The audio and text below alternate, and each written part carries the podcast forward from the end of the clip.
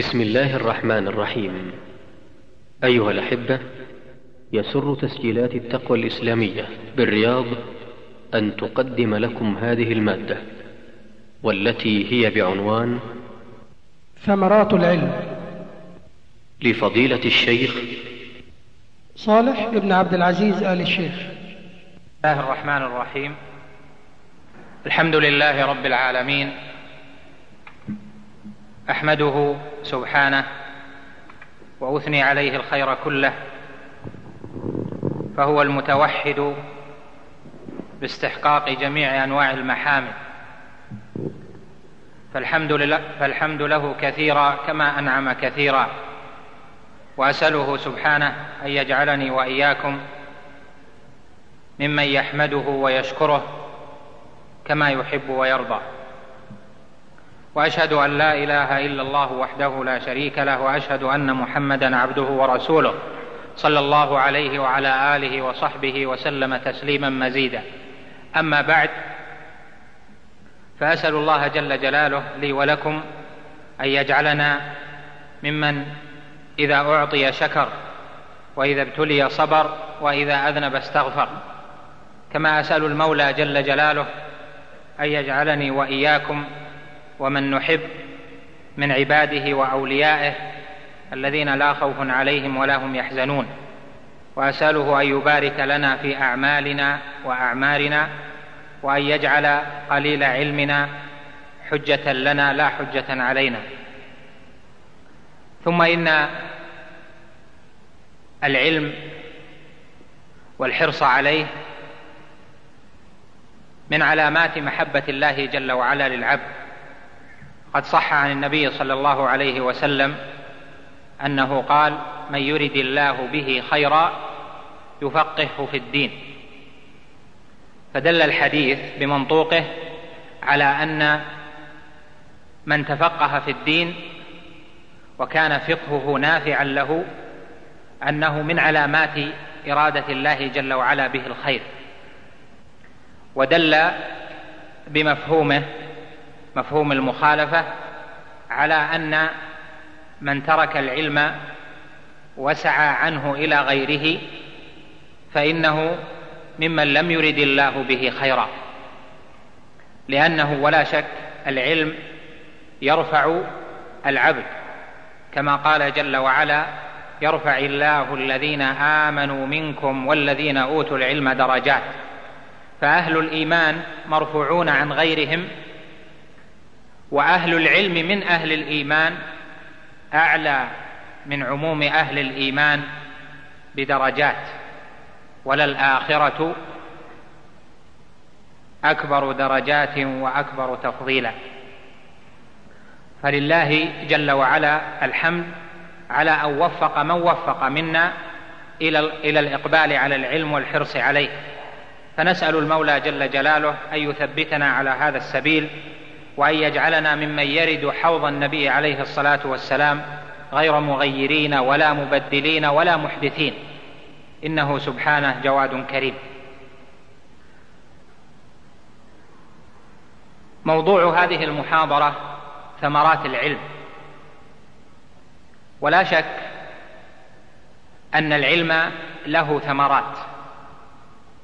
ودل على ذلك قول الله جل وعلا يرفع الله الذين آمنوا منكم والذين أوتوا العلم درجات. فمن ثمراته المنصوص عليها في القرآن أن أهل العلم مرفوعون درجات. ومن ثمراته المذكورة في القرآن ما جاء في سورة النساء في قوله جل وعلا ولو أنهم فعلوا ما يوعظون به لكان خيرا لهم وأشد تثبيتا وإذا لآتيناهم من لدنا أجرا عظيما ولهديناهم صراطا مستقيما.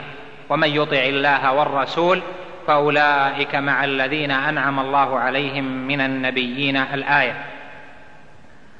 فدلت الآية على أن الذي يعلم وعمل فإن هذا خير له في دنياه وخير له في آخرته. وأنه إن أورثه العلم الطاعة فإنه مع الأنبياء والصديقين والشهداء والصالحين وحسن أولئك رفيقا. وفي القرآن لم يأمر الله جل وعلا نبيه أن يسأل المزيد من شيء إلا من العلم. فقال سبحانه في سورة طه وقل رب زدني علما. وهذا مما يدلك على جلالة قدر العلم أن الله جل وعلا خص به أنبياءه. وخص به أولياءه فإن العبد كلما كان أكثر علما وأورثه العلم ثمراته من العمل وغيره فإنه أقرب إلى ربه جل وعلا. قد قال سبحانه إنما يخشى الله من عباده العلماء. يعني إن أحق الناس خشية لله جل وعلا الذين يعلمون الرب جل وعلا بذاته وأسمائه وصفاته وما جاء في شريعة أنبيائه عليهم الصلاة والسلام.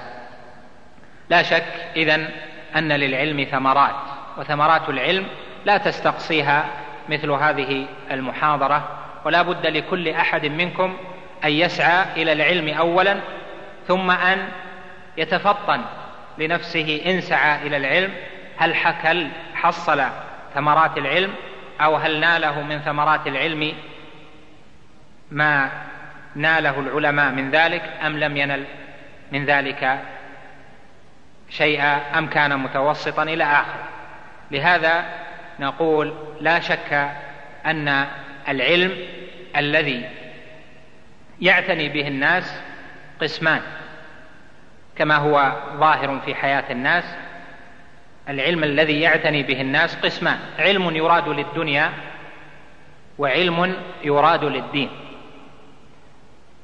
والدنيا يعطيها الله جل وعلا من يحب ومن لا يحب. ولكن الدين لا يعطيه الله جل وعلا إلا من يحب. وهذا كما جاء مأثورا فإنه من معنى قوله عليه الصلاة والسلام من يريد الله به خيرا يفقهه في الدين. ومن معنى قوله خيركم من تعلم القرآن وعلمه. والعلم لما كان منقسما إلى علم يراد للدنيا وإلى علم يراد للدين فإن العلماء نظروا في التفضيل بينهما. كما قال الشافعي رحمه الله لما أردت طلب العلم نظرت فإذا العلم علمان علم لصلاح الأبدان وعلم لصلاح الأديان. فنظرت فإذا العلم الذي لصلاح الأبدان لا يعدو الدنيا وإذا العلم الذي هو لصلاح الأديان للدنيا والآخرة فأقبلت على الفقه وتركت الطب. وكان هو ممن نال طرفا من علوم مختلفة من الطب والأدب والفراسة إلى آخره. لهذا إذا قلنا ثمرات العلم فنعني بها العلم الذي هو أعظم فائدة وأجزل عائدة وهو الذي يراد للدنيا والآخرة الذي يصلح الله جل وعلا به الدنيا ويصلح الله جل وعلا به الآخرة. دنيا العبد طالب العلم في نفسه وآخرة العبد طالب العلم لنفسه. وكذلك دنيا غيره والمجتمع وكذلك آخرة الأمة جميعا كما سيأتي في ثمرات طلب العلم. لهذا قال العلماء العلم علمان علم نافع وعلم غير نافع. أما العلم النافع فهو العلم بالله جل وعلا يعني علم الدين العلم الذي يراد للآخرة الذي يصلح الله جل وعلا به دنيا العبد ويصلح الله به آخرته. وهذا العلم هو في الحقيقة النافع لأنه نفع العبد في حياته كلها وحياة العبد منقسمة إلى حياة أولى وإلى حياة أخرى. فحقيقة العلم النافع النفع المطلق الكامل هو علم الشريعة علم الدين العلم بالله جل وعلا وبرسوله صلى الله عليه وسلم. وبما أنزل من حدود جل جلاله. لهذا لما تكلم بعض السلف في الأنساب وسئل هل علم الأنساب من العلم النافع؟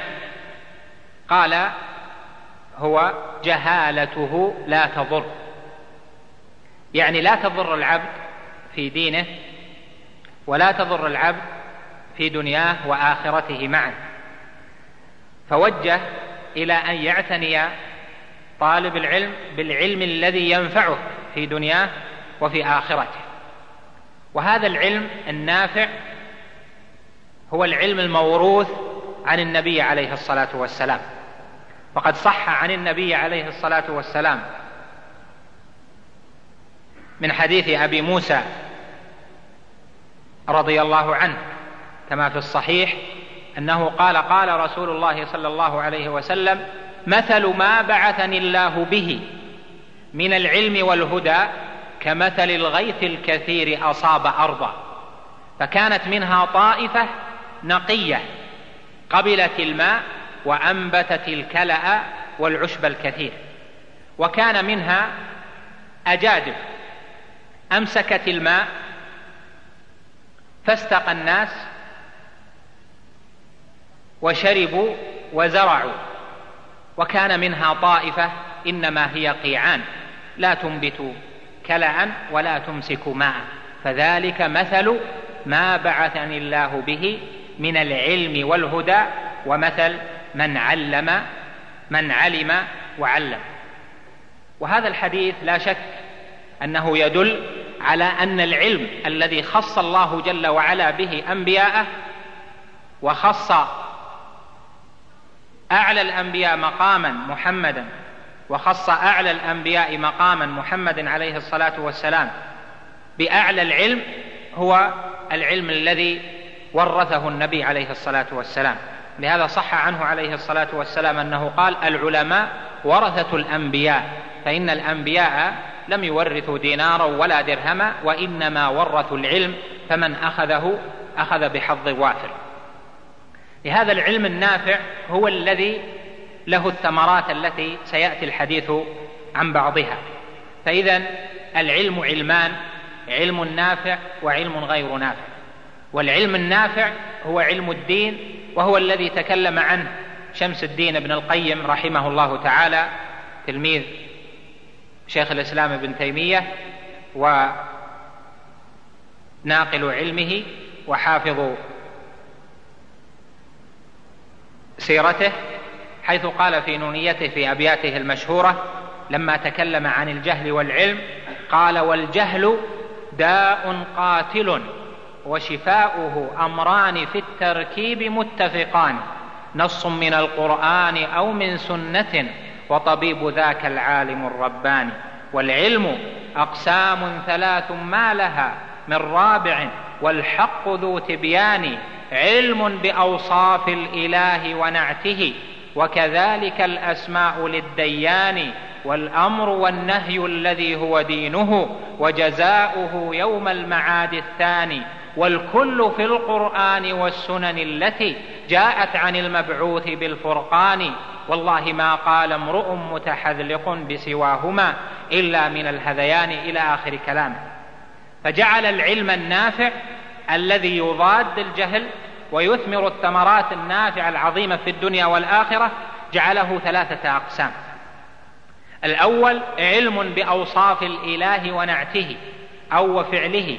وهذا يعني به التوحيد. ولا شك أن التوحيد الذي هو حق الله على العبيد العلم به هو أعظم أنواع العلوم بل هو أفضل العلوم. لما؟ لأن العلم يتنوع بتنوع المعلوم والتوحيد يبحث في أي شيء؟ يبحث في أسماء الله جل وعلا وفي صفاته وفيما يستحقه جل وعلا وفي حق الله جل وعلا على العبيد وما يتصل بذلك. فاذا المعلوم بالتوحيد المعلوم بعلم التوحيد هو ما يتصل بالرب جل جلاله وما يضاف إليه من نعوت الجلال وأسماء الجمال والجلال. فلهذا كان أفضل العلوم التوحيد قال العلماء لأن فضل العلم بفضل المعلوم وشرف العلم بشرف المعلوم ولهذا كان التوحيد أفضل العلوم وأشرفها.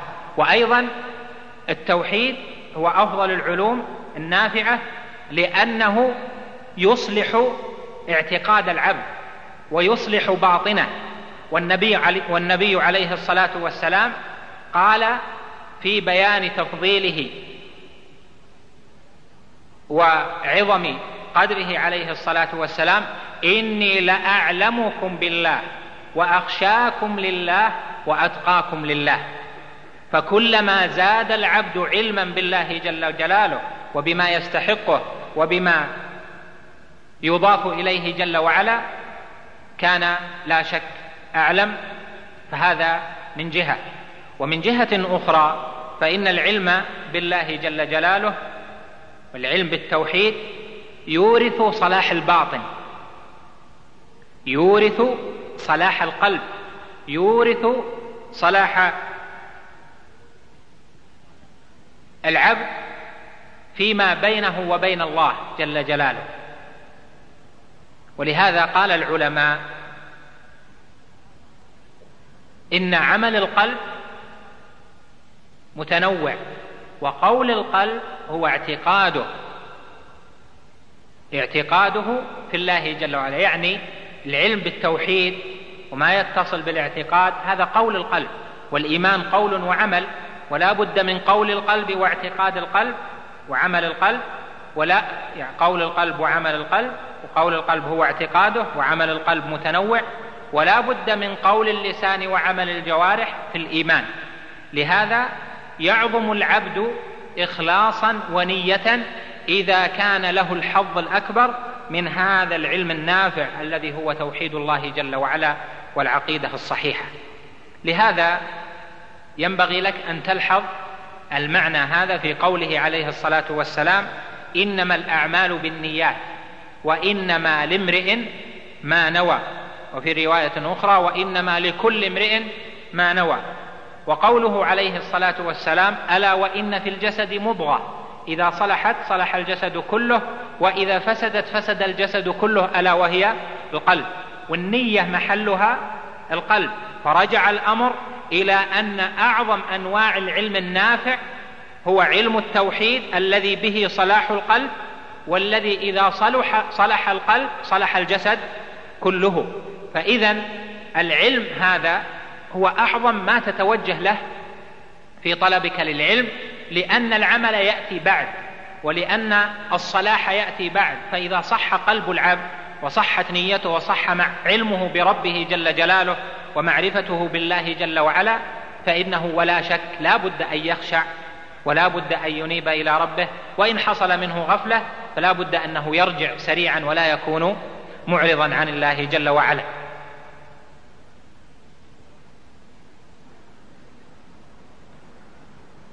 العلم الثاني من العلوم النافعة بعد علم التوحيد الذي يشمل توحيد العبادة وتوحيد الأسماء والصفات وتوحيد الربوبية هو علم الأمر والنهي وهو علم الحلال والحرام. علم ما يصح من عبادتك وما لا يصح يعني علم الظاهر. وهذا هو الذي يسمى علم الفقه. وسمي علم الفقه لظاهر قول الله جل وعلا فلولا نفر منهم فلولا نفر من كل فرقة منهم طائفة ليتفقهوا في الدين ولينذروا قومهم إذا رجعوا إليهم لعلهم يحذرون. وما جاء في الأحاديث من ذكر الفقه لكن في الحقيقة أن الفقه في الشريعة الفقه في القرآن الفقه هو الفهم الفقه هو الفهم. فلهذا صار الفقيه هو العالم الذي يفهم معنى كلام الله جل وعلا وكلام رسوله صلى الله عليه وسلم. وهذا كما في قوله تعالى وجعلنا على قلوبهم أكنة أن يفقهوه. يعني أن يفهموه. فإذا تسمية علم الفقه اللي هو يبتدئ من الصلاة إلى آخره والصلاة يعني وما قبلها من الشروط طهارة المياه التي يتطهر بها وما يتصل بذلك هذا كله جعلوه كذلك لأنه بعد الشهادتين وهما أعظم أركان الإسلام. وإلا فالحقيقة بعض العلماء قسم الفقه إلى قسمين فقه أكبر وفقه أصغر وجعل الفقه الأكبر الذي هو التوحيد. وهذا لأجل أن يحظى التوحيد والفقه جميعا بقوله عليه الصلاة والسلام من يرد الله به خيرا يفقهه في الدين يفقهه يعني الفقه الأكبر والأصغر يعني التوحيد وعلم الحلال والحرام. ابن القيم في هذه الأبيات قال والأمر والنهي الذي هو دينه الأمر والنهي يعني العلم بالحلال والحرام يعني بالفقه.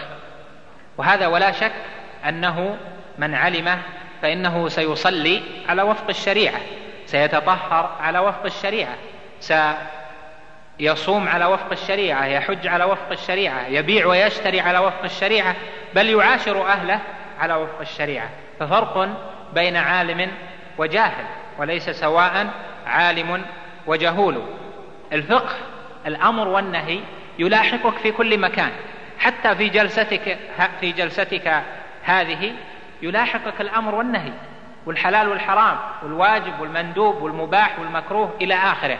فمن علم أحكام الشريعة تصرف في أحواله على وفق تلك الأحكام فيكون مأجورا في كل حاله لأنه يفعل ما يفعل متذكرا حكم الشريعة ويتصرف على وفق ذلك. وإذا أتى بعض الذي يريد أن يأتيه يأتيه وهو يعلم أن الحكم كذا وكذا وأن هذا يجوز في هذه الم... في هذا الحال وهذا لا يجوز في هذا الحال. بخلاف من هو جاهل فإنه لا يعلم إلا قليلا فسيرتكب كثيرا من الأشياء وهو لا يعلم أنه خالف. يعصي ولا يعلم أنه عصى يخالف ولا يعلم أنه يخالف. لهذا صار أعظم الناس علما بالحلال والحرام وبالفقه هم أشد الناس استغفارا. لله جل وعلا. بل أعظم الناس علما هو المصطفى صلى الله عليه وسلم فإنه يستغفر الله ويتوب إليه في المجلس الواحد مئة مرة كما صح عن النبي عليه الصلاة والسلام. لهذا فائدة عظم العلم بالحلال والحرام أن يتمش أن يمشي العبد وأن يسير في أحواله كلها على وفق العلم. واحد يعاشر أهله يأتي يجلس مع أولاده يكلم زوجة آه، يكلم أباه يكلم أمه.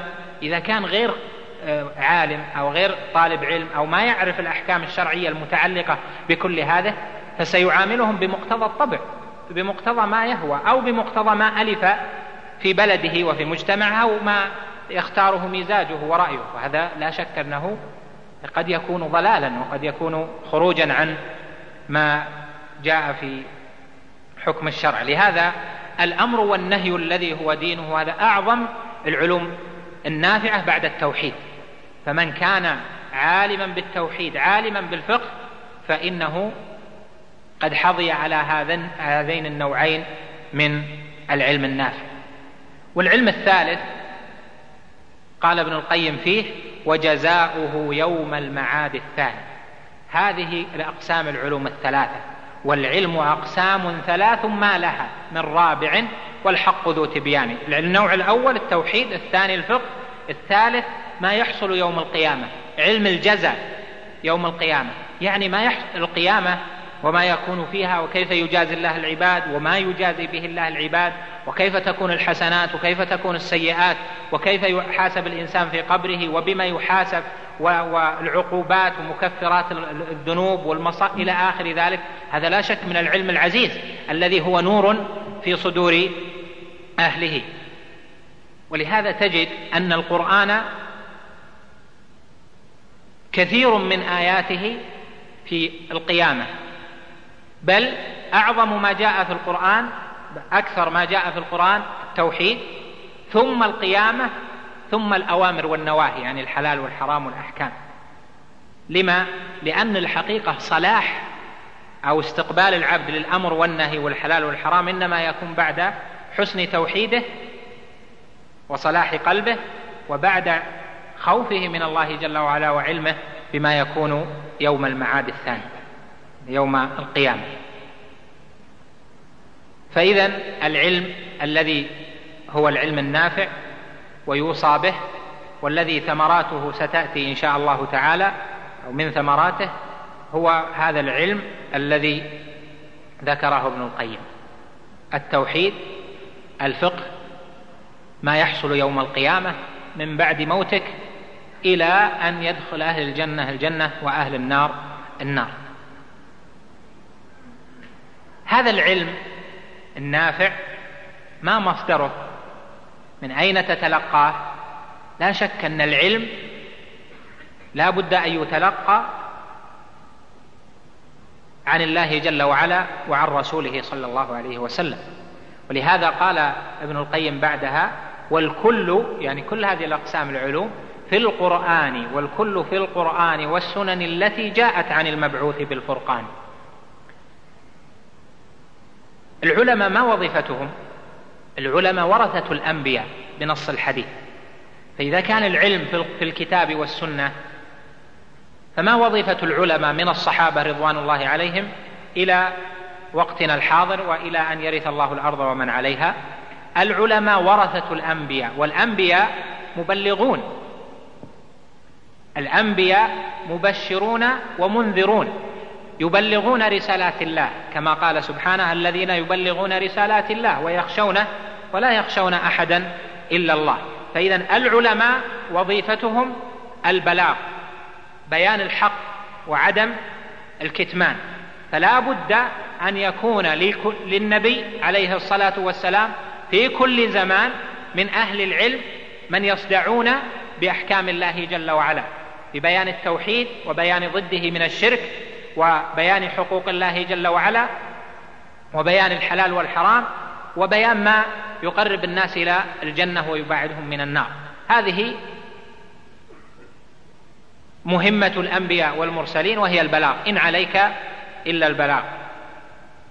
فإذا كان كذلك فإذا العالم يشرح للعامة يشرح للناس معاني كلام الله جل وعلا ومعاني رسوله. يبين الأحكام بما يعلم من دليل الأحكام من الكتاب والسنة أو من إجماع أهل العلم أو بما اجتهد فيه المجتهدون. فإذا العالم في الحقيقة في هذه الأمة ورث الأم ورث نبينا عليه الصلاة والسلام. وهذه الأمة ليس فيها نبي بعد محمد عليه الصلاة والسلام. كان بنو إسرائيل تسوسهم الأنبياء. كلما مضى نبي جاء نبي. الأنبياء في بني إسرائيل كثير. جدا عددهم. لكن في هذه الأمة جعل الله جل وعلا العلماء يقومون مقام الأنبياء في البيان والإرشاد والجهاد وبيان الحق وبيان ضده حتى يكون الناس على بصيرة. وقد قال عليه الصلاة والسلام لا تزال طائفة من أمتي ظاهرين على الحق لا يضرهم من خذلهم ولا من خالفهم حتى يأتي أمر الله وهم كذلك كما هو في الصحيح. إذا تبين هذا فاذا العلم يؤخذ عن أهله. وأهل العلم هم الذين يبينون معاني الكتاب والسنة. رام طوائف من الخوارج وغيرهم راموا أخذ العلم عن غير الصحابة بل عن أنفسهم فضلوا وأضلوا. بل قال فيهم عليه الصلاة والسلام سيكون قوم حدثاء الأسنان. سفهاء الأحلام. يقولون من من خير يقولون من قول خير البرية يحقر أحدكم صلاته مع صلاتهم وصيامه مع صيامهم. يقرؤون القرآن لا يجاوز حناجرهم. يمرقون من الدين كما يمرق السهم من الرمية. أينما لقيتموهم فاقتلوهم ولئن لقيتهم لأقتلنهم قتل عاد. وهذا يدلك على أن الشأن ليس في أخذ العلم يعني في أخذ القرآن في أخذ السنة وإنما الشأن في الطريقة التي يؤخذ بها معنى القرآن ومعنى السنة.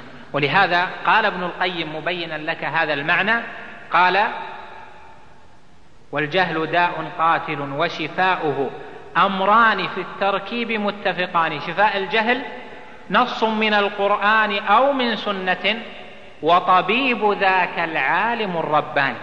لا بد من طريق. وإلا فإن النبي عليه الصلاة والسلام ذم من لم يأخذ العلم عن أهله كما ذم الخوارج وكما ذم غيره لهذا نقول العلم لا شك النافع الذي ينفع العبد في دنياه وفي آخرته وله من الثمرات ما سيأتي بيان بعضها.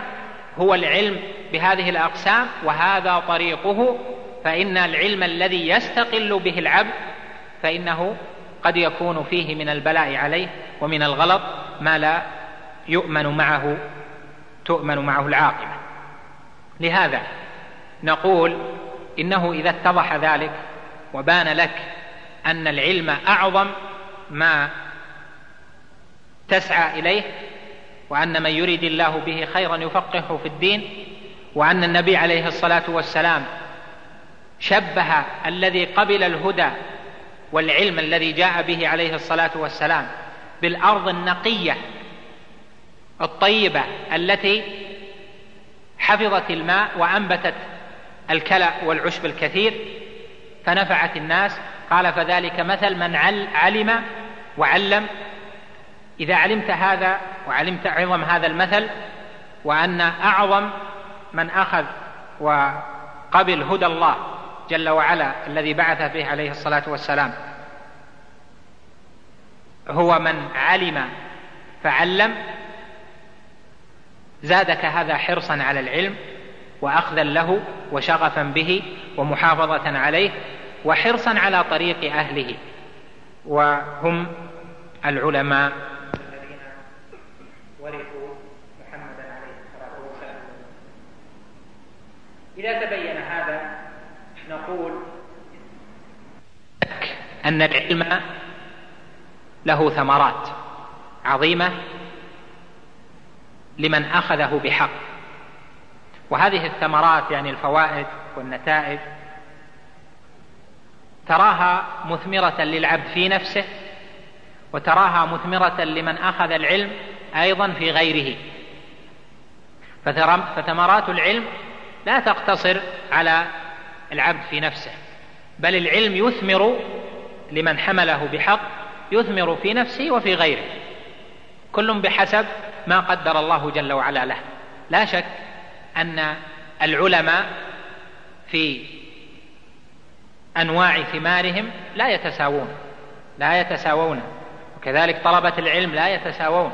فصحابة النبي عليه الصلاة والسلام الذين هم من العلماء لم يتساووا في أثر العلم على الناس جميعا. فمنهم من كان له أعظم الأثر ومنهم من كان له الأثر العظيم لكنه أقل من السابق وهكذا. وكل أثرهم كان في العلم عظيم. لهذا نقول أن الثمرات هذه منها ما هو قاصر على العبد في نفسه ومنها ما هو متعدد. منها ما هو قليل ومنها ما هو كثير. العلم أعظم ما يورث في العبد خشية الله جل وعلا. ولا شك أن الإيمان عند أهل السنة والجماعة يتبعض ويزيد وينقص لهذا من أعظم ما يزيد به الإيمان العلم. والعلم يورث الخشية. فرجع الأمر إلى أن من ثمرات العلم على طالب العلم أن يكون ذا خشية من الله جل وعلا. وحقيقة الخشية التي قال فيها جل جلاله في وصف أهلها إنما يخشى الله إنما يخشى الله من عباده العلماء. حقيقة هذه الخشية أنه خوف لكن مع عدم اضطراب. الخوف يكون معه عدم اضطراب ويكون معه عدم سكينة. ولهذا كان الخوف عاما. قال خاف فلان من عدوه وخاف من من النار وخاف من الأسد وخاف من من المرض وخاف من هذا الخوف يحدث للعبد اضطرار نوعا من الاضطراب. لكن إذا كان الخوف خوف خشية فإن هذا هو خوف الملائكة وخوف الأنبياء الذي هو خوف الخشية. لهذا جعل الله جل وعلا العلماء خوفهم منه جل جلاله خوف خشيه فقال إنما يخشى إنما يخشى الله من عباده العلماء. لما كان الإيمان يتبعض كذلك الخشية تتبعض. لهذا العلم كلما زاد كلما قاد صاحبه إلى الخشية. وإذا كان أضعف خشية تارة فإنه يذكر صاحبه بأن يعود إلى خوف الله جل وعلا وخشيته والإنابة. لهذا قال بعض أهل العلم طلبنا العلم وليس لنا نية. فجاءت النية بعد. لماذا طلب العلم؟ بدون نية. طلب العلم تبع زملائه تبع أصدقائه أو طاعة لوالديه أو لأي سبب من الأسباب. ما كان له نية صالحة فيه أو ما كان له نية في العلم بالله جل وعلا وتعظيم خشيته والإنابة إليه. ثم لما أخذ طرفا من العلوم قاده ذلك إلى خشية الله جل وعلا. لهذا أعظم ما يثمر العبد ما يثمر العلم في العبد أن يكون ذا خشية من الله جل وعلا وأن يكون مجلا له سبحانه خائفا. من ثمرات العلم أن يكون العبد مخلصا. العلم النافع الذي هو التوحيد يقود إلى الإخلاص لأنه يعلم من علم التوحيد ورفع به الرأس وحافظ عليه ولم يهجره إلى غيره بل تمسك به دائما يلاحقه في إخلاصه يلاحقه في نيته يلاحقه في تعظيم حق ربه جل وعلا ويلاحقه في نبذ الشرك بأنواعه من الشرك الأكبر والعياذ بالله والأصغر وهو كثير في زماننا هذا وكذلك الشرك الخفي الذي هو في هذه الأمة أخفى من دبيب النملة السوداء على الصفات السوداء في ظلمة الليل. بعض الناس يقول الحمد لله يعني مخلصين وصادق ما ما عندنا ولله الحمد شرك ولا لا التوحيد يدلك على الإخلاص في كل شيء يلاحقك كيف تخلص في طلبك للعلم؟ كيف تخلص في معاملتك لوالديك؟ كيف تخلص في معاملتك لأهلك؟ كيف تخلص في عملك؟ لأن التعامل مع في الجميع مع من؟ مع رب العالمين جل جلاله. فالإخلاص بأن يكون القصد وجه الله جل وعلا هذا شرط العمل. إنما الأعمال بالنيات وإنما لامرئ ما نوى. لهذا جاء في بر الوالدين. لما ذكر الله جل وعلا في سورة الإسراء الأمر ببر الوالدين ذكر الله جل وعلا بالإخلاص. لما قال سبحانه فلا تقل لهما أف ولا تنهرهما وقل لهما قولا كريما واخفض لهما جناح الذل من الرحمة وقل رب ارحمهما كما ربياني صغيرا. ربكم أعلم بما في نفوسكم. إن تكونوا صالحين فإنه كان للأوابين غفورا.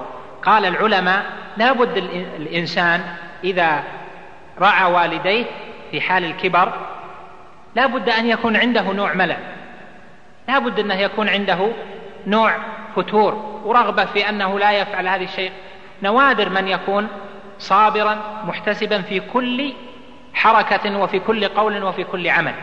قال سبحانه ربكم أعلم بما في نفوسكم. هل تعملون هذا احتسابا وامتثالا ورغبة فيما عند الله جل وعلا أو تعملونه كرها؟ إن تكونوا صالحين إذا صلحت منكم القلوب. باطنا والنية باطنا وصلحت منكم الأعمال ظاهرا فإنه كان للأوابين الذين يكثرون الرجوع إليه استغفارا مما قد يحصل من القصور. غفورا يغفر الذنب مغفرة واسعة. هذا تنبيه للإخلاص في معاملة ما. فكيف في معاملة الأهل؟ معاملة الأولاد تعامل مع أهل الحقوق جميعا سواء كانوا كبارا أم صغارا. إذا أعظم ما يثمر العلم أنه يلاحق العلم النافع يلاحق صاحبه بالإخلاص في كل عمل. لهذا ذكر العلماء أن الإخلاص في كل عمل الإخلاص في أي عمل له قدر مشترك في كل الأعمال وكل عمل له إخلاص ونية تخصه. فالإخلاص في جميع الأعمال هو أن يكون القصد وجه الله جل وعلا لا الدنيا هذا قدر مشترك في كل عمل. والإخلاص في كل عمل يعني في الأعمال آه، في كل عمل عمل هذا بحسب ذاك العمل. فالإخلاص في طلب العلم ما هو؟ قال العلماء أن ينوي رفع الجهل عن نفسه وعن غيره. ينوي أن يتعلم ليرفع الجهل عن نفسه فيعمل بنية بعمل موافق الشريعة وأن يعلم ليعلم غيره ويبلغ شريعة الله جل وعلا. الإخلاص في بر الوالدين له حال. الإخلاص في العمل له حال. إلى آخره. الإخلاص في الجهاد له حال. إذا الإخلاص في الدعوة له, له آه، أيضا تعريف. إذا فهذا من عظيم ما تطلبه وتسجله من الفوائد عندك أن تتطلب الإخلاص العام والإخلاص الخاص. فأعظم ما يلاحقك به العلم ويثمر في قلبك الثمرات النافعة أنه يلاحقك في الإخلاص أن تكون مخلصا لله جل وعلا في جميع في جميع أحوالك. ولقد قال ابن القيم رحمه الله في ذكر المخلصين قال فلواحد كن واحدا في واحد أعني سبيل الحق والإيمان. يعني كن في جميع أعمالك لله الواحد الأحد. من ثمرات العلم أن العلم يورث العمل الصالح. العلم النافع لا بد لصاحبه أن يكون ذا عمل يعني أن يعمل بما علم. أما الذي لا يعمل بما علم فهو داخل في قول الله جل وعلا أتأمرون الناس بالبر وتنسون أنفسكم وأنتم تتلون الكتاب؟ فقال السلف رحمهم الله العلم يورث العمل ويهتف بالعمل فإن أجابه وإلا ارتحل. فصار للعلم مع العمل له شأنان. الأول أن العلم يورث العمل. من علم علما نافعا لا بد أنه يخشى الله ويتقيه ويحافظ على الفرائض ويجتنب المحرمات وأهل العلم في ذلك درجات. وأيضا العلم يهتف بالعمل. العلم دائما يطلب من صاحبه أن يعمل يطلب من صاحبه أن يعمل. فإن أجابه يعني إن وجد العلم من صاحبه العمل وإلا ارتحل عنه. ولذلك شيخ الإسلام رحمه الله ذكر من فوائد قوله تعالى ولو أنهم فعلوا ما يوعظون به لكان خيرا لهم وأشد تثبيتا قال من فوائد الآية أن الفعل أن الفعل والعمل لما أمر به العبد وعلمه يورث الخيرية له ويورث الثبات. قال لكان خيرا لهم وأشد تثبيتا. تثبيت في إيش؟ قال تثبيتا في الإيمان وتثبيتا للمعلومات. ولهذا نرى من علمائنا الصالحين حفظهم الله جل وعلا ونفع بهم نرى منهم العمل الكثير الصالح مما ثبت العلم في قلوبهم وفي صدورهم فنفعوا الناس عقودا من السنين عشرات السنين وهم ينفعون الناس وذلك من فضل الله جل وعلا عليهم ونعمته ختم الله جل وعلا لهم بخير. اذا لا بد لك إذا أردت العلم أن يثمر العلم الذي تعلمه العمل. كيف يثمر العمل؟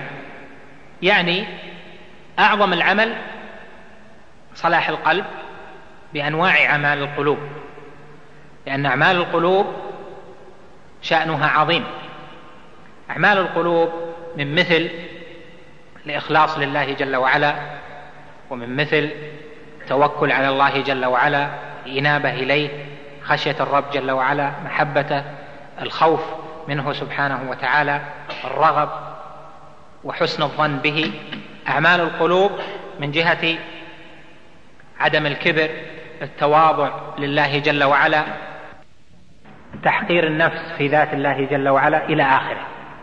أعمال القلوب يجب أن تفتش عنها لأنها واجبات وكثير من الناس يغفل عنها. ثم العمل أعمال الجوارح منها إتيان الفرائض وترك المحرمات والمسابقة في النوافل. مسابقة في النوافل من الصلاة والصيام والصدقات العلم النفل والدعوة النفل إلى آخره هذا كله مما يثبت العلم ويجعل العبد مؤتمرا بالمعروف منتهيا عن المنكر. لا شك الموضوع يطول تفصيله لكن هذه إشارات آه، لعلها تكون مفتاحا لكم في مدارسة غيرها. أيضا من ثمرات العلم وهو أعظم الثمرات الصلاح. طالب العلم والعالم يثمر علمه الذي يحمله أن يكون صالحا. ومن هو الصالح؟ أهل التفسير علماء التفسير فسروا الصالح في الآيات التي وردت بأن الصالح من عباد الله هو القائم بحقوق الله وحقوق عباده. هذا هو الصالح. من قام بحقوق الله وحقوق العباد فهو الصالح. اذا الحقوق عظيمة. فالعلم يورث ويثمر لصاحبه أن يكون صالحا يعني قائما بحقوق الله بإتيانه الفرائض والنوافل مسابقا في الخيرات بحسب ما قدر له وأن يكون قائما بحقوق العباد. حقوق العباد اعني جميع أنواع العباد من المسلمين ومن غيرهم. هذه الحقوق التي نص الله جل وعلا عليها في القرآن أو جاءت في السنة أو أجمع عليها أهل العلم. لا شك أن القيام بها دين والعلم إذا تعلم الإنسان القرآن وتعلم السنة ورأى هذه الحقوق فلا بد أن يمتثلها وإلا فإنه سيكون غير قائم بحقوق العلم. ما هذه الحقوق؟ حق الله جل وعلا أعظمه أعظم حق لله التوحيد. وقد ذكرنا لك طرفا مما يتصل بهذا. يعني الصالح من عباد الله الذي علم فأصلحه الله جل وعلا لا تجده زاهدا في التوحيد. ليش؟ لأن التوحيد بالخصوص والعقيدة بالخصوص تنسى وتأتي الشواغل عنها فيقع العبد في ضدها وهو لا يعلم. وقارن في ذلك بين ما عليه الناس الآن في أمر التوحيد وأمر الحساسية في الألفاظ وما يتصل بالشرك وما كانوا عليه في هذه البلاد من خمسين سنة. كيف كانت الحساسية؟ وكيف كان الشعور؟ الآن تجد بعض الصغار وبعض النساء يفعلون أشياء أين وين التوحيد إذن؟ وين ثمراته كيف صار صالحا قائما بحقوق الله وهو ما رفع بذلك الرأس وتحمس له وعلمه وعلمه وبلغه؟ إذا الصلاح يورث لا شك القيام بحقوق الله جل وعلا. وكلما زاد العبد معرفة بحق الله زاد حرصا على التوحيد ومفرداته جميعا وزاد خوفا من الشرك وأنواعه. لهذا قال إبراهيم الخليل عليه السلام الذي هو أعلم أهل زمانه بالله جل وعلا سائلا ربه قال واجنبني وبني أن نعبد الأصنام. قال إبراهيم التيمي كما تعلمون في تفسير الآية لما تلا الآية قال ومن يأمن البلاء بعد إبراهيم؟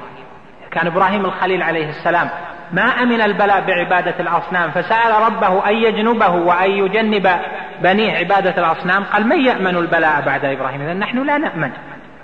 وإذا أمنت من أمن الله على نفسه طرفة عين أتاه الله على غرة. فالله جل وعلا يستدرج العباد. ثم القسم الثاني القيام بحقوق العباد. حقوق الله جل وعلا في الحلال والحرام ما أحله وما حرمه في اتيان الفرائض والمحافظة عليها في أوقاتها وتحريم المحرمات الأمر بالمعروف والنهي عن المنكر الجهاد في كل زمان بحسبه هذه لا شك كلها فرائض ومن ثمرات العلم كما سيأتي بسط بعضها. حقوق العباد هذه من ثمرات الصلاح. لهذا تجد طالب العلم الحق يخشى من حقوق العباد. لما؟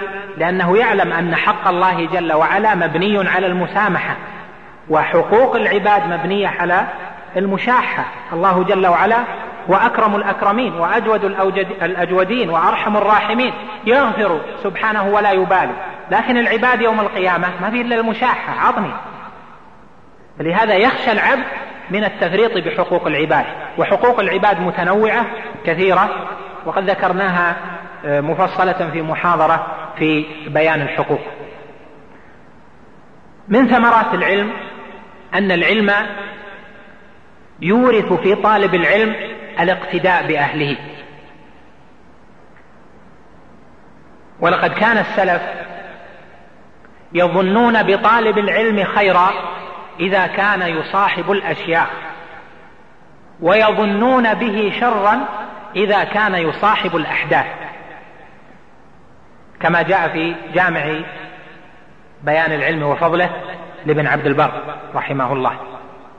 لأن صحبة الأشياخ والكبار تحمل على أن يقتدي بهم وأن يرى العلم ويرى فهم العلم ومعاني التنزيل ومعاني السنة وكيف يتعامل مع الاشياء يراها أمامه. وإذا كان لا يصاحب من أخذ العلم قبله وعقد مع العلم قلبه سنين عددا إذا كان لا يصاحبه لا يصاحبه وإنما يصاحب الأحداث فإنه لا بد أن يكون عنده نقص وربما شر كما جاء في قول من سلف. وكل خير في اتباع من سلف وكل شر في ابتداع من خلف. العلم يتوارثه العلماء هديا وسمتا ودلا ويتفاوتون فيما بينهم في التزام ما دل عليه العلم ولا شك. لكن العلم والعمل محفوظ في أهل العلم وأهل الحديث والسنة بلا شك ويتفاوتون فيه. فطالب العلم يثمر العلم فيه أنه يحب العلم ويحب أهله ويقتدي بهم. والعلم وأهل العلم لهم منهاج يتوارثونه ربما لا يكون ذلك موجودا في كل كتاب أو في كل شرح أو بيان لكن أهل العلم يقتدي الخالف منهم بالسالف أعني أهل العلم بالسنة المتحققين بهدي السلف. يعني ليس علماء الضلالة والبدع لا يدخلون في ذلك. لهذا فطالب العلم يثمر له العلم أن ينهج نهج العلماء وأن يقتدي بهم وأن ينظر سيرتهم. ومن علامات العلم النافع أن يسير المرء سيرة أهل العلم.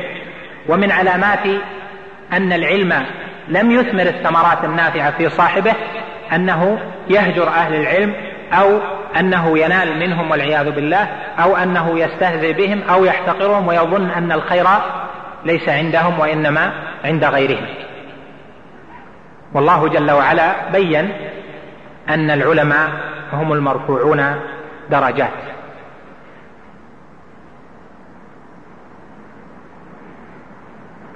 من ثمرات العلم على أهله أن العلم النافع يورث صاحبه التؤدة. وعدم العجلة إلا في الخير. ولما قيل لأبي ذر رضي الله عنه في بعض أموره التي استعجل فيها من أمور العبادات وقيل له إن العجلة مذمومة قال ليس كل عجلة مذمومة فالعجلة إلى الله إلى العبادة محمودة وإلا لو كانت مذمومة لم يقل موسى لربه جل جلاله وعجلت إليك ربي لترضى. فإذا كان الواحد يستعجل بالذهاب للمسجد ما يجي واحد يقول له لا تستعجل.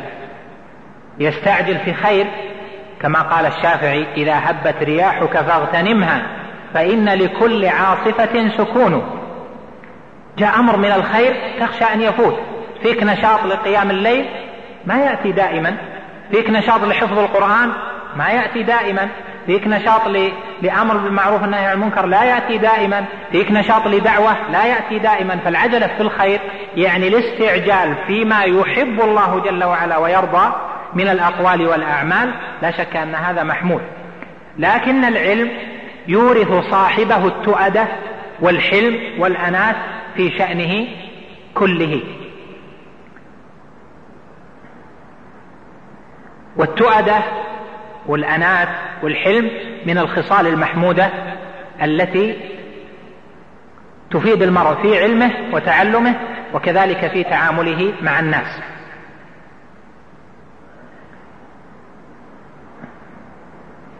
ومن ثمرات العلم أيضا أن العلم يورث صاحبه التواضع. فلا تجد عالما متكبرا. يعني بالكبر أنه يغمط الحق أنه يرد الحق ويغمط الناس. لا يقبل الحق ويحتقر الناس ويقع في الناس. هذه ليست من صفات أهل العلم. فكلما زاد العبد في العلم رسوخا صار العلم في حقه نافعا كلما تواضع لله جل وعلا. قد صح عن النبي عليه الصلاة والسلام أنه قال إن الله أوحى إلي أن تواضعوا حتى لا يفخر أحد على أحد ولا يبغي أحد على أحد. لا تجد طالب علم متحقق بالعلم يفتخر يعني افتخار الجاهلية يفتخر بنسبه ويحقر الناس في أنسابهم ولا تجد طالب علم متحقق بالعلم يرى نفسه أعظم من الآخرين بل كلما كان العلم أنفع في حقه كلما ظن أن طلبة العلم الآخرين أنهم أنفع للعباد وأنهم أخشى لله جل وعلا ويحتقر نفسه ويتواضع لله جل وعلا لأنه يعلم من نفسه ما يعلم. ويتعاون معهم على الخير والهدى ويبذل ما يستطيع. الحسد يكون بين طلبة العلم ويكون بين العلماء. قد حصل في الزمن الأول كما أنه باق يحصل في كل زمان. لكن لا شك أن العلم يوجب على العبد أن يكون متواضعا ويوجب على العبد أن لا يكون حاسدا وذلك فضل الله يؤتيه من يشاء. صار فلان أحفظ مني أو صار أعلم أو صار أنفع للعباد أو صار الواحد يفرح أن يقوم قائم بحق الله جل وعلا وحق العباد وأن يؤدي هذه المهمة وأن يأمر بالمعروف وينهى عن المنكر وأن يدعو إلى الله جل وعلا. أن كان فلان مثلا أذكر من فلان أو أذكى أو أحفظ أو أعلم يقع فيه ولا آه، يتتبع غلطاته أو تجد أنه يلمز فلان أو لأن مؤلفات هذا أكثر أو لأن مؤلف فلان نفع أو نحو تجد أنه يطعن فيها أو نحو ذلك لا شك أن العلم يجعل صاحبه لا. لا يتحاسد مع إخوانه ولا يحقر أخاه. قد قال عليه الصلاة والسلام بحسب امرئ من الشر أن يحقر أخاه المسلم. أسأل الله جل وعلا أن يجنبني وإياكم وأن يجنب إخواننا ذلك. ونستمع للأذان.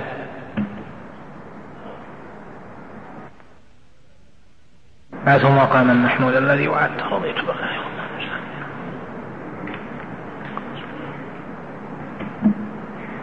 ومن ثمرات العلم أيضا أن العلم النافع الذي ذكرناه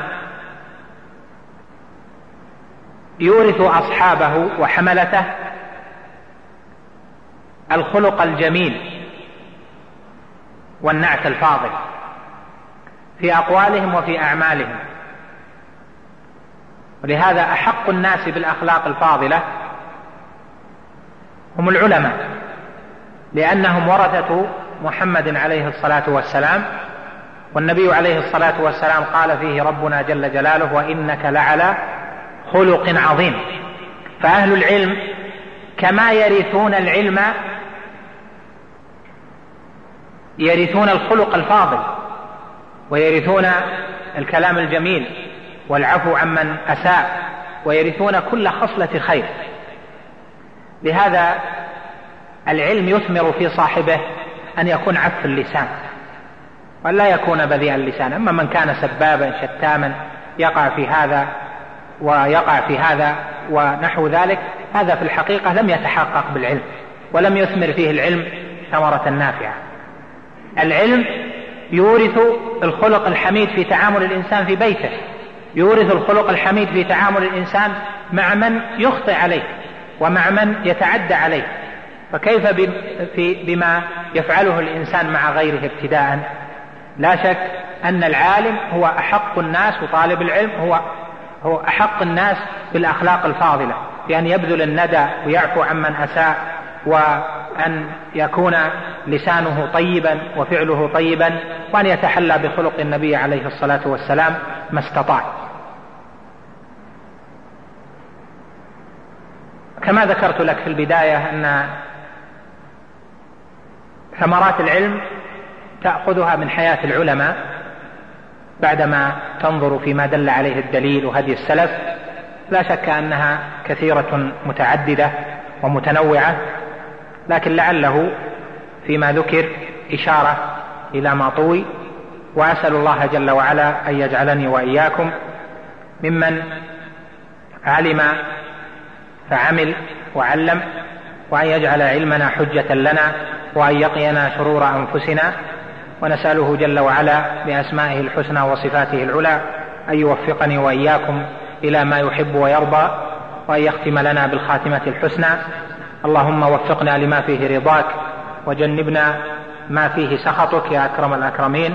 نسألك اللهم أن توفق ولاة أمورنا إلى ما فيه الصلاح وأن وأن تهيئ لهم البطانة الصالحة التي تدلهم على الخير وتحثهم عليه. اللهم واعن علماءنا على كل خير واجزهم خير الجزاء على ما قدموا وبذلوا. إنك جواد كريم تجازي وتعظم الجزاء تجزي وتعظم الجزاء وتعظم الأجر والثواب. اللهم فاعظم أجورهم وثبت أقوالهم وأعمالهم وانفعنا بعلومهم يا أكرم الأكرمين. وصلى الله وسلم وبارك على نبينا محمد. السلام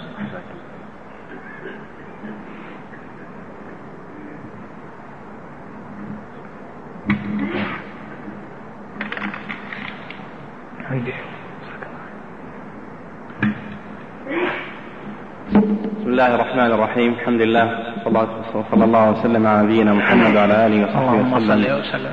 أما بعد جزا الله فضيلة الشيخ على ما قال. نسأل الله تعالى أن ينفعنا. بما قال وأن يجعل حجة لنا لا علينا والأسئلة أيها الإخوة كثيرة وبمقدمة هذه الأسئلة طلبات الشيخ ترى الأسئلة يعني بعض الإخوة يقول أن الأسئلة إذا صارت كثيرة ما يمكن الجواب عنها جميعا وهذا صحيح لكننا نستفيد من كثرة الأسئلة في آه، موضوعات المحاضرات لأن تعرف المحاضرات كثيرة ومن الأسئلة تخرج موضوعات وتخرج حاجات الإخوة وطلبة العلم والشباب فيستفاد من السؤال أحيانا في عناصر محاضرة جديدة. يستفاد من الأسئلة في معالجة موضوع يستفاد من الأسئلة في بيان في خطبة. لهذا الأسئلة تنفع وإن لم يلقى منها إلا القليل. جزاكم الله خير. في بداية هذه الأسئلة طلبات من الإخوة كثيرة في أن يكون في هذا المسجد درس أسبوعي. نعم. هذه كلها درس. يطالبون بتكرم بأن يكون هناك درس أسبوعي لفضيلة الشيخ. منها يقول هذا نحن أبناء منطقة شيخ الرياض نطالب فضيلتكم التكرم بدرس أسبوعي في هذا الجامع ويكون في شرح أحد المتون العلمية وذلك لوجود طلبة علم في هذه المنطقة. والله يحفظكم ويرعاكم. جزاهم الله خيرا إن شاء الله. الله يعين. أقول الله يعين. هذه طلبات الله يثيبكم جميعا على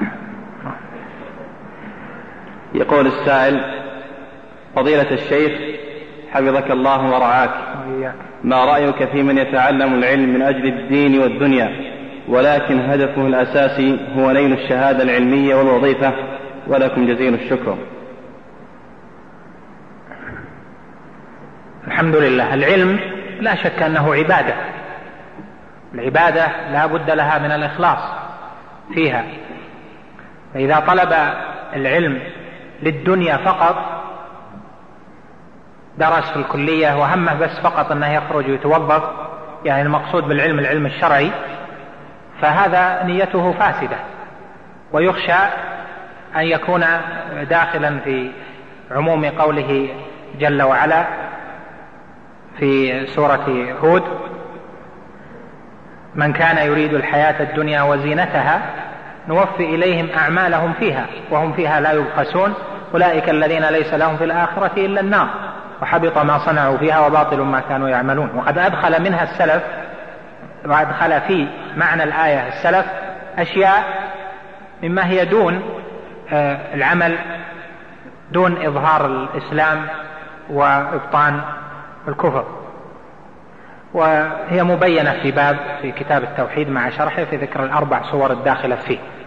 فالذي يعمل العمل الصالح يعني العمل العبادي يريد به الدنيا هذا لا شك أنه على خطر عظيم وعمله نوع من أنواع الشرك.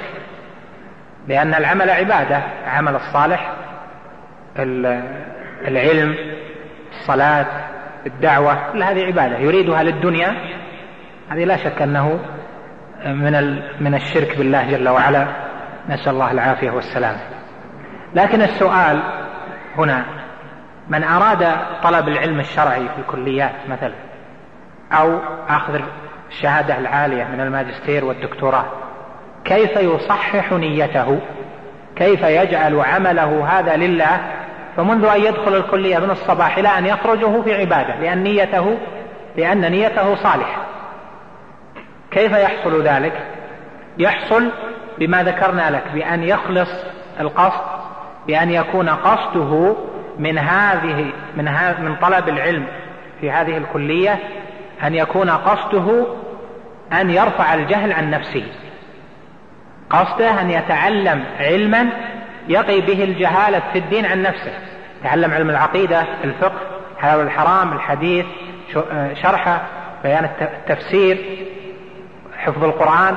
من نظر إلى هذه الأمور فجعل دخوله لهذه الكلية وتحضيره لرسالة ماجستير ودكتوراه أنها تعينه على رفع الجهالة عن نفسه هذا نيته صالحة. فيكون بعد ذلك ما يحصله من الدنيا تكون تبعا لذلك لا قصدا يعني تكون تبع بعد ما ينويه من النية الصالحة. هذا لا بأس به. وذكر السلف في ذلك كما ذكرت لكم قال طلبنا العلم لغير الله فأبى أن يكون إلا لله كما قال ابن المبارك وغيره. آه، يعني طلبنا العلم لغير الله يعني في أول الطلب ما كان عندنا نية خالصة لله لكن علمنا لما تعلمنا أنه يجب الإخلاص ويجب أن يكون العلم لله فأبى أن يكون أن تكون النية أبى العلم أن تكون النية إلا لله. وهذا لا شك من الموضوعات المهمة التي يجب على طلاب العلم أن يعتنوا بها. أما العلم غير الشرعي مثل أنه يطلب علم الطب أو علم العلوم المختلفة أو يتخصص في الرياضيات أو في الفيزياء أو في الكيمياء أو في آه، الهندسة أو في الكمبيوتر أو في نوع من العلوم التي تراد للدنيا فإن هذه العلوم لا شك أن قيام طائفة من المؤمنين بها من فروض الكفايات. لا بد أن تقوم طائفة من بها لأنها إذا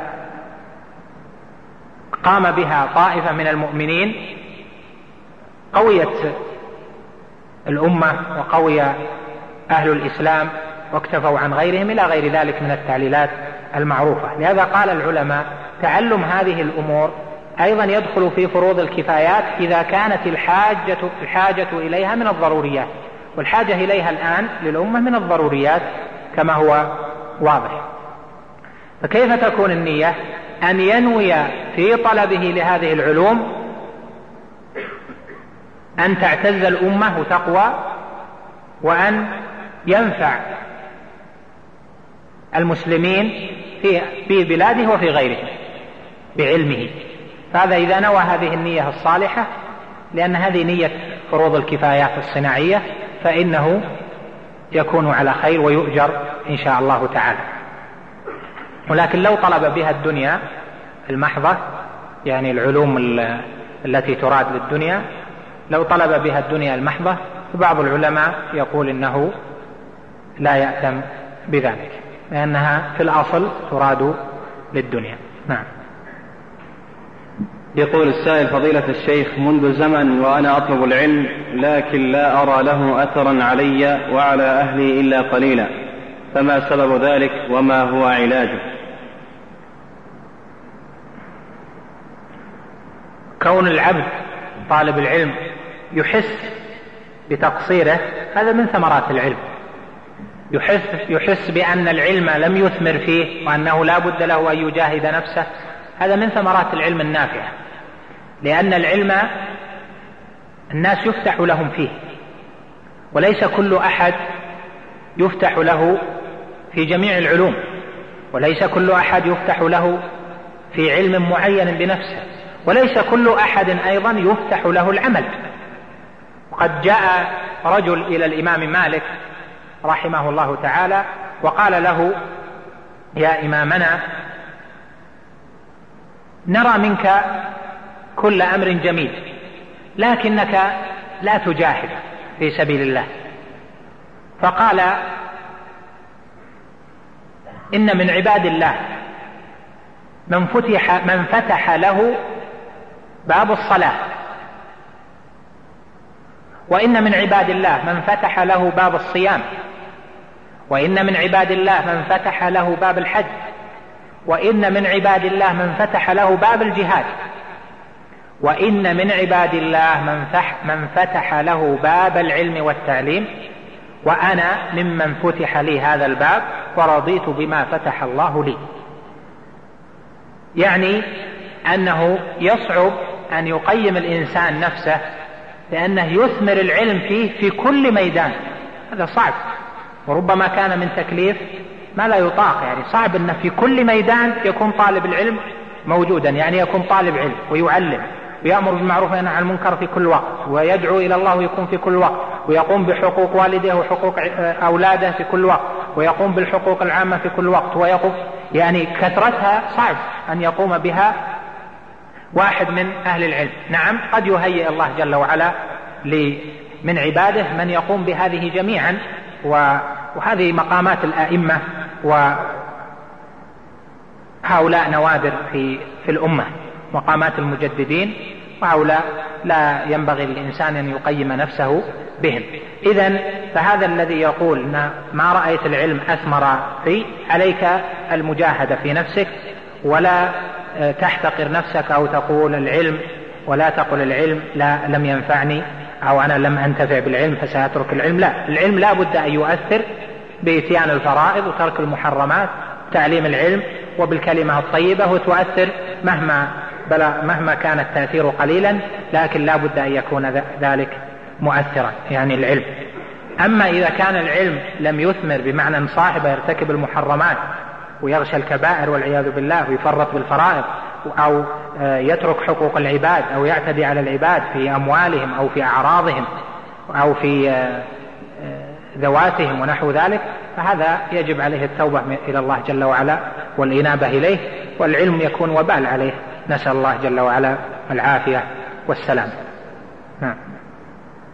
يقول السائل فضيلة الشيخ ماذا يقصد أهل الأصول بقولهم والعامي يقلد أهل العلم؟ هل معناه أن العامي يجب عليه أن يقلد أحد العلماء في كل فتواه؟ أم ماذا؟ أرجو بيان ذلك. التقليد معناه قبول قول الغير من غير حجة وهو جائز باتفاق أهل العلم في مواضع. منها في حال العامي الذي جاء فيه السؤال فإن العامية لا يعلم الأدلة ولا يعلم الأحكام فيجب عليه أن يسأل. كما قال جل وعلا فاسألوا أهل الذكر إن كنتم لا تعلمون فإذا كان لا يعلم حكم الله جل وعلا فإنه يجب عليه السؤال. والعامي ليس وصفا واحدا. بل العامية تتجزأ. فقد يكون طالب العلم عاميا في مسائل. لا يعلم الحكم في مسائل. فيجب عليه أن يسأل أهل العلم فيها ويعمل بما أفتوه في ذلك. العامي إذا سأل فإنه يسأل من يثق بعلمه ودينه من أهل العلم. يبحث في بلده أو يسأل عن الأعلم الأفقه أو هو بمعرفته يقول هذا العالم أنا آه، أثق بعلمه ودينه فيسأله فيعمل بما قال. ولا يلزم العالم يعني لا يجب عليه أن يذكر الدليل للعام وعلى هذا جرى جرت فتاوى الصحابة رضوان الله عليهم فإنهم يفتون بلا ذكر الأدلة.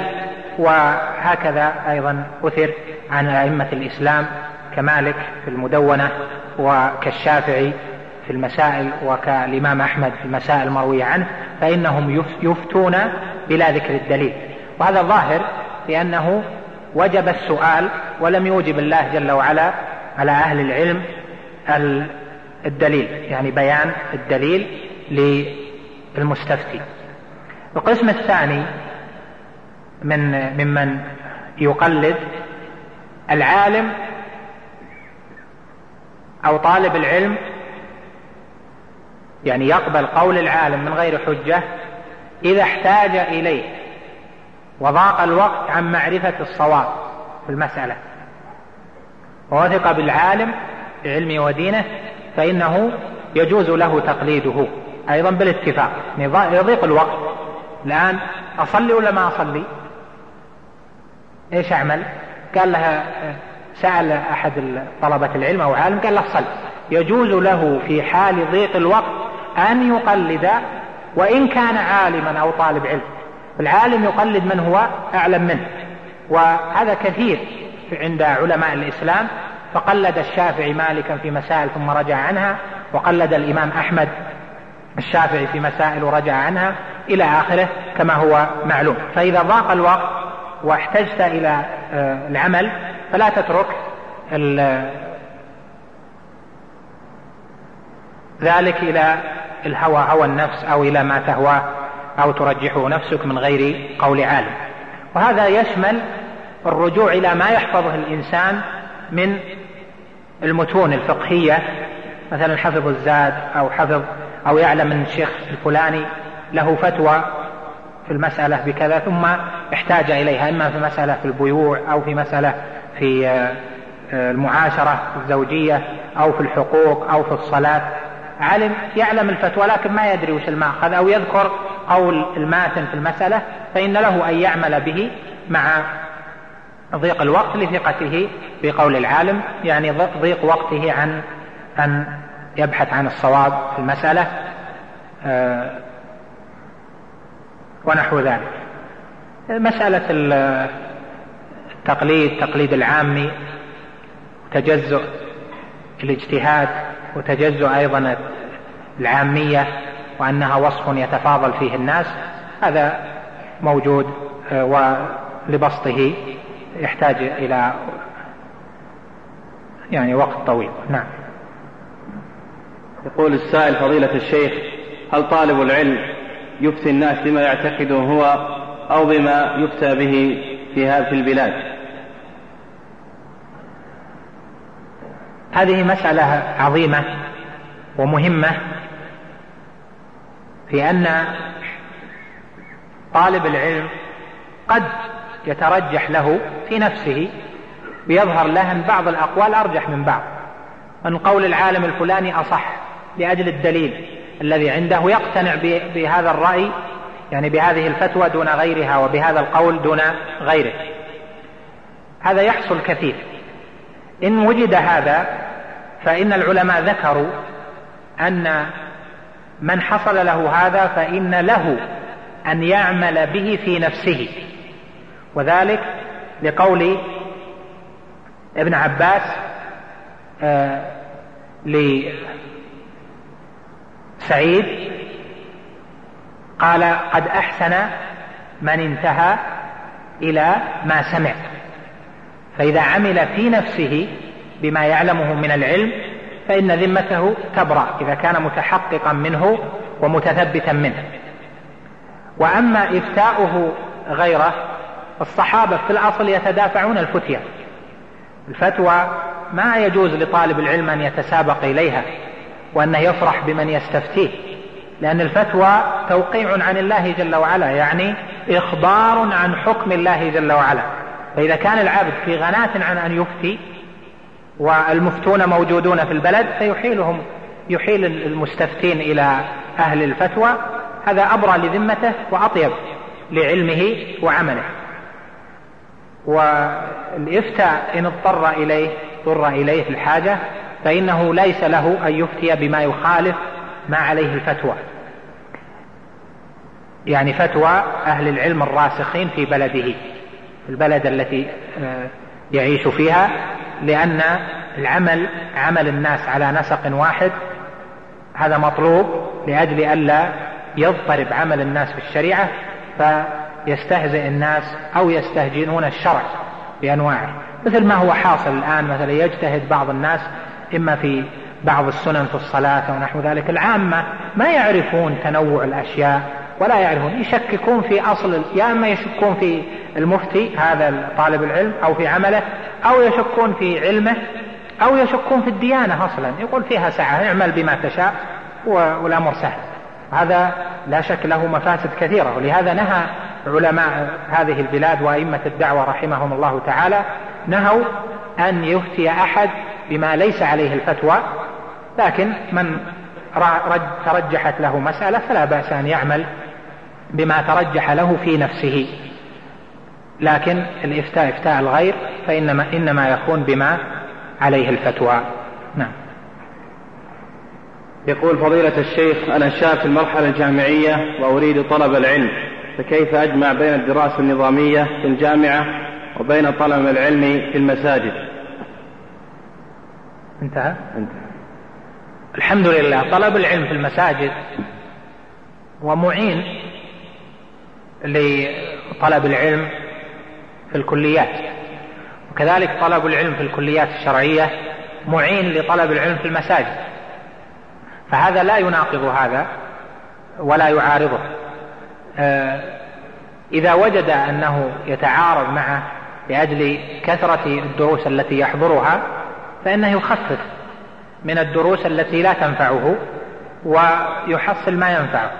وأن درسنا في الجامعة ودرسنا فيها أيضا في العلوم الشرعية يعني بأنواعها آه، وخالطنا أيضا من درس ودرس. اللي أخذوا تدريس الكليات يعني التعليم بجد والتعلم من الطلاب والمدرسين الذين أخذوه بجد انتفعوا كثيرا. لكن الإشكال أن يأتي الطالب ما يذاكر إلا وقت الاختبار. أشك علوم شرعية كبيرة ومجلدات وفنون مختلفة ما يمكن تمشي بهذه الطريقة. فلو أنه يذاكر مذاكرة طلب للعلم ويحفظ ما يلقيه الأستاذ في يومه ويرجع إلى الشروح ويبحث ويسأل من يلتقي به من أهل العلم في المساجد فإن هذا لا شك أنه مكسب عظيم والعلم يزيد العلم علما ولا يتناقض العلم مع العلم. من حيث الواقع لا شك بعض الدروس في المساجد وبعض الدروس في, في الكليات فيها نقص. لكن النقص تتممه بما آه، تحصله من علماء آخرين أو من أساتذة آخرين. فالذي يطلب الكمال في كل شيء ما يحصل. لكن إن تحرص على ما ينفعك وإذا وجدت بابا فيه خير فلجه فإنه خير لك في عاقبة أمرك إن شاء الله. فإذا أنا أوصي الجميع بأنهم يحرصون على الدروس في الكليات وأن يراجعوا ويبحثوا المسائل التي درسها المشايخ لهم وأن يحرصوا أيضا على الدروس في آه، المساجد لأن هذه فيها نفع من جهة وهذه فيها نفع من جهة أخرى والكل يكمل بعضه بعضا. وفق الله الجميع لما فيه رضا. نعم. يقول السائل فضيلة الشيخ ما رأيكم بمن يفسر قول الرسول صلى الله عليه وسلم من يريد الله به خيرا يفقهه في الدين؟ أي معرفة أفضل الأعمال في الوقت وأكثرها أجرا فيبادر لفعلها وتقديمها على غيرها من الأعمال الصالحة؟ الصالحة لا كل فضلا في ذلك الوقت. وكذا. هذا صحيح تفسير صحيح للحديث وهو بعض ما يدل عليه الحديث. فمعرفة وعلم طالب العلم بما آه، يترجح من الأعمال الصالحة هذا من العلم النافع. يعني مثلا يعلم أن هذا العمل أفضل وأكثر أجرا من هذا العمل. هذا يحتاج إلى علم وفقه. فإذا علم لا شك أنه سيغشى ما هو أفضل. له. الإمام أحمد رحمه الله لما جاءه الحافظ أبو زرعة عبيد الله بن عبد الكريم الرازي المعروف لما جاء إلى بغداد كان يتذاكر معه الحديث ويعارضه الحديث من بعد صلاة العشاء إلى الفجر لأنه جاء في أيام معدودة وهو من حفاظ الحديث ومذاكرة الحديث وحفظه ومعرفة الضعيف من من غيره والمعلول والموضوع إلى آخره. هذا نفعها متعد للأمة. وهذا وقت الحافظ أبي زرعة يذهب آه، قليل في بغداد. فقال الإمام أحمد استعظنا عن قيام الليل بمذاكرة أبي زرعة. فلم يقم تلك الليالي ولم يصلي النوافل المعتادة له وردة المعتاد وإنما كان مع أبي زرعة يذاكره الحديث. هذا لا شك يحتاج إلى علم. فهذا من الفقه في الدين ومن يريد الله به خيرا يفقهه في الدين. فإذا بلغ طالب العلم في العلم مبلغا أنه يعلم الراجح من, من المرجوح أو الفاضل من المفضول في العبادات المتزاحمة في وقت واحد ويرجح الراجح أو يفضل الفاضل على المفضول ويأتيه فلا شك أن هذا مما يعطيه الله جل وعلا بعض عباده. الواحد في أموره في, في يوم ليله ونهاره يأتيه مثل هذا كثيرا. يعني مثلا يقرأ القرآن الفجر ولا يستغفر؟ أيهما أفضل؟ الآن تجد كثير من الناس شاع عندهم من قراءة القرآن الفجر دائما أنها أفضل من الاستغفار. وكثير من أهل العلم كشيخ الإسلام ابن تيمية وأئمة الدعوة يفضلون الاستغفار في هذا على غيره لأنه هدي النبي عليه الصلاة والسلام النبي عليه الصلاة والسلام بين الأذان والإقامة ما كان يقرأ القرآن ولأجل أن يدخلوا في عموم قوله تعالى والمستغفرين في الأسحار وفي عموم قوله آه، جل وعلا إنه كانوا قليلا من الليل ما يهجعون وبالأسحار هم يستغفرون. قال آه، الحسن البصري رحمه الله تعالى في تفسير هذه الآية قال قل نومهم وهجيعهم خوفا من ربهم فلما أصبحوا استغفروا خوفا من أن عملهم لم يقبل. أيها الإخوة بموجب فهرس تسجيلات التقوى فإن رقم هذا الشريط هو اثنى عشر ألفا وستة عشر.